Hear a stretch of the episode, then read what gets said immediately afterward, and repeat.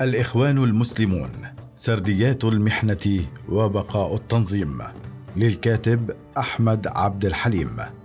منذ تأسيسها عام 1928 تعرضت جماعة الإخوان المسلمين إلى الكثير من المحن إثر صدامها مع الأنظمة المصرية الحاكمة من قبل قيام الجمهورية ولا سيما بعد قيامها اختلفت قوة الصدام من مرة إلى أخرى واختلف عدد سنوات المحن. لكن الملاحظ أن جماعة الإخوان تبقى قائمة تنظيميا. وإن كانت الجماعة هشة نجد أنها مهما حاولت الأنظمة القضاء عليها ومحوها وبالرغم من قوة البطش اتجاهها تستطيع في كل مرة تجميع واستقطاب أفراد جدد لها فور إتاحة هامش متنفس للعمل. يرجع هذا إلى عدة أسباب منها قوة التنظيم الهرمي وعلاقة الجماعة الخارجية مع القوى الدولية المساعدة والمؤيدة لبقائها، فضلا على قوة العلاقة الاجتماعية لأفرادها مثل القرابة والعمل. لكن هناك أيضا بعد تربوي وروحي يساهم في توظيف الجماعة مظلوميتها الحقيقية في بقاء أفراد التنظيم. تاريخ المحن منذ بداية ثلاثينيات القرن الماضي. سرعان ما توغلت الجماعة في الأوساط الاجتماعية المصرية المختلفة لتأخذ مكانة سياسية واجتماعية هامة مثلها مثل حزب الوفد الليبرالي واليسار المصري. فبدأت الحكومات في أخذها بعين الاعتبار بما أنها جماعة دعوية ذا بعد سياسي. كانت أولى محن الجماعة مع حكومة الملك بقيادة رئيس الوزراء محمد النقراشي أواخر الأربعينيات حين قامت حكومته بحل الجماعة وأوقفت أنشطتها لترد الجماعة باغتيال النقراشي في كانون الأول ديسمبر من عام 1948 وفي شباط فبراير من العام التالي اغتيل مؤسسها حسن البنا. ومع قيام الجمهورية المصرية بقيادة حركة الضباط الأحرار التي كانت الجماعة شريكا لها وداعما منسجما وأساسيا في حركتها انتقلت الجماعة إلى محنة جديدة بانتهاء هذه الشراكة حين قامت السلطة بقيادة جمال عبد الناصر منذ عام 1954 إلى أواخر عام 1970 بمعاداة الجماعة وذلك من خلال حلها والزج بأعضائها في السجون بالإضافة إلى تعذيب أجهزة الأمن والمخابرات الناصرية لآلاف من أفرادها ما أدى إلى مقتل العشرات منهم داخل السجون فضلا عن أحكام الإعدام بحق البعض منهم. كان أشهرها تلك التي نفذت بحق سيد قطب وعبد الفتاح إسماعيل وآخرين عام 1966 بموت عبد الناصر خرجت الجماعة رويدا رويدا من محنتها. جاء نظام أنور السادات بانفراج للإسلاميين وفي القلب منهم الإخوان وصولا إلى شوارع بعض الجماعات الإسلامية في عمليات مسلحة أدت واحدة منها إلى قتل رأس الدولة أي السادات عام 1981 مع بداية الثمانينيات وبالرغم من دخول تلك الجماعات وعلى رأسها الجماعة الإسلامية وجماعة الجهاد الإسلامي في حرب صفرية مع نظام حسني مبارك. استطاعت جماعة الأخوان المسلمين إقناع ذلك النظام بأنها ابتعدت بقيادتها الجديدة عن أي نهج للعنف. وبالفعل انتهجت مسارها الإصلاحي بالمشاركة المجتمعية والسياسية من خلال دخول النقابات والمجالس النيابية وما أخذت من بطش نظام مبارك إلا القليل الذي يكمن في اعتقال بعض القيادات لعدة أشهر وتزوير نتائج الانتخابات البرلمانية وغير ذلك من ممارسات هينة. مقارنة مع ما لحق بالإسلاميين الجهاديين.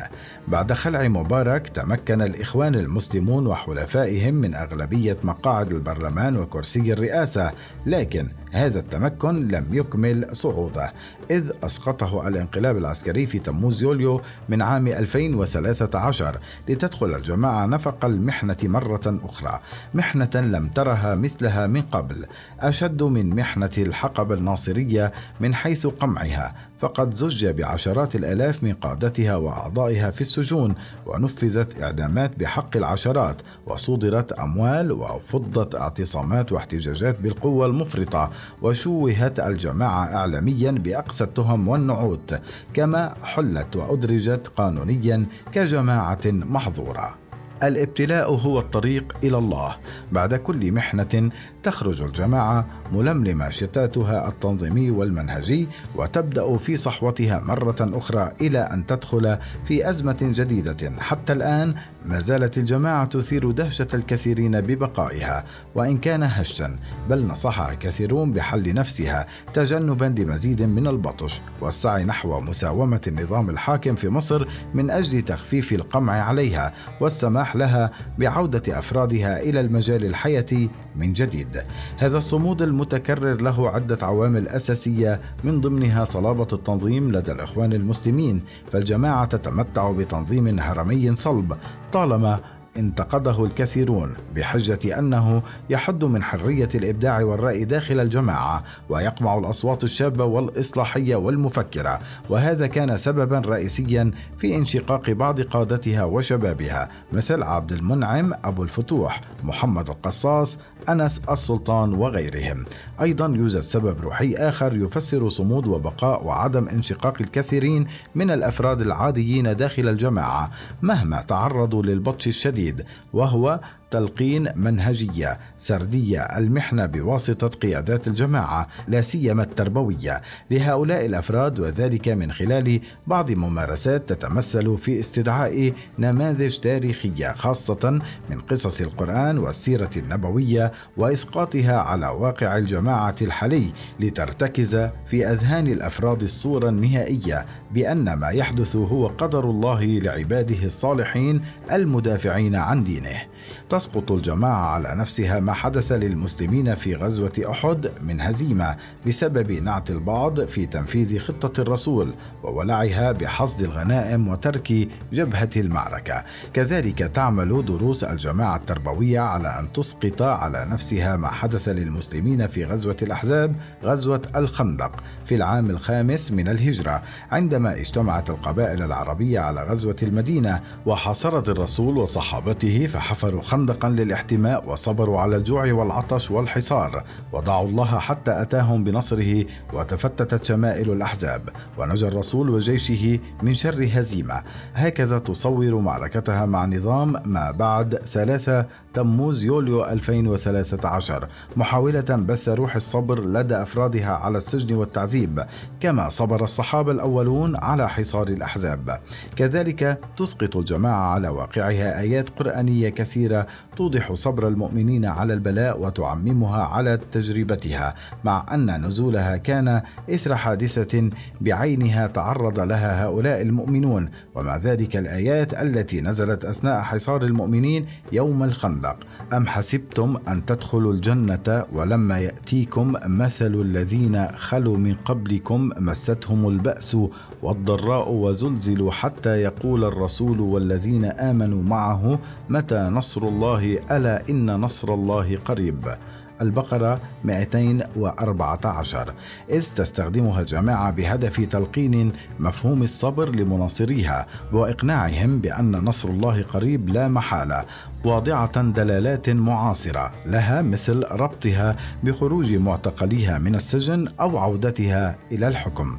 آية أخرى تشهد استخدامها مشابها هي وإذ قالت طائفة منهم يا أهل يثرب لا مقام لكم فارجعوا. ويستأذن فريق منهم النبي يقولون إن بيوتنا عورة وما هي بعورة إن يردون إلا فرارا. الأحزاب 13 إذ تشبه الجماعة من تركها ولم يدافع عن شرعيتها في الحكم أو انشق عنها نتيجة لممارستها بأنه تخلف عن الحرب معتبرة أن معركتها هي معركة بين المؤمنين وبين من يحاربون الدين ومستبعدة السياسة من القصة كلها.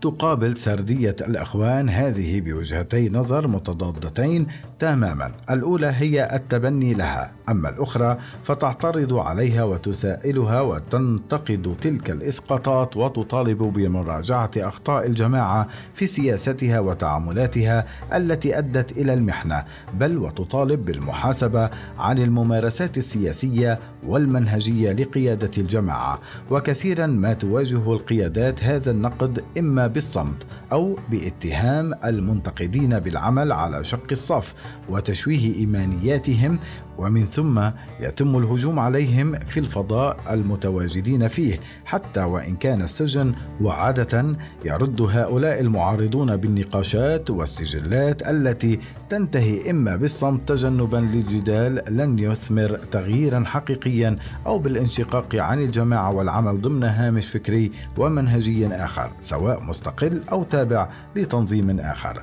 تستند الجماعة إلى المطيعين الخاضعين لسرديتها التي ترفع لواء المظلومية ككتلة صلبة داخل الجماعة تقوي مخزونها البشري وتساعدها على لملمة ذاتها كتنظيم مرة أخرى ما يؤدي إلى النهاية إلى عدم مراجعة ممارستها الحركية والمنهجية الخاطئة وما يفرز جمودا وانعزالا عما يحدث في الواقع السياسي والحركي المنهجي. وهذا ما يحدث في وقتنا الحالي بين جبهتي محمود حسين الأمين العام للجماعة وإبراهيم منير القائم بأعمال المرشد إذ لم يعترف الأول بنتائج انتخابات تقول شهادات قيادية من داخل الجماعة إنها أجريت مؤخرا ونحت ستة قيادات من مجلس شورى الإخوان وعلى رأسهم محمود حسين فضلا عن إحالة البعض إلى التحقيق ليصدر بعدها قرارا تلاه المتحدث الرسمي باسم الجماعة طلعت فهمي بتنحية المكلف بأعمال المرشد إبراهيم منير في فصل صراع سلطوي ضيق. يضاف إلى ثقافة ضئيلة وممارسات خاطئة لا تساعد الجماعة على النهوض مرة أخرى نحو تكوين إطار ذي بعد مفاهيمي أكثر وضوحا وملائمة للأحداث والمتغيرات.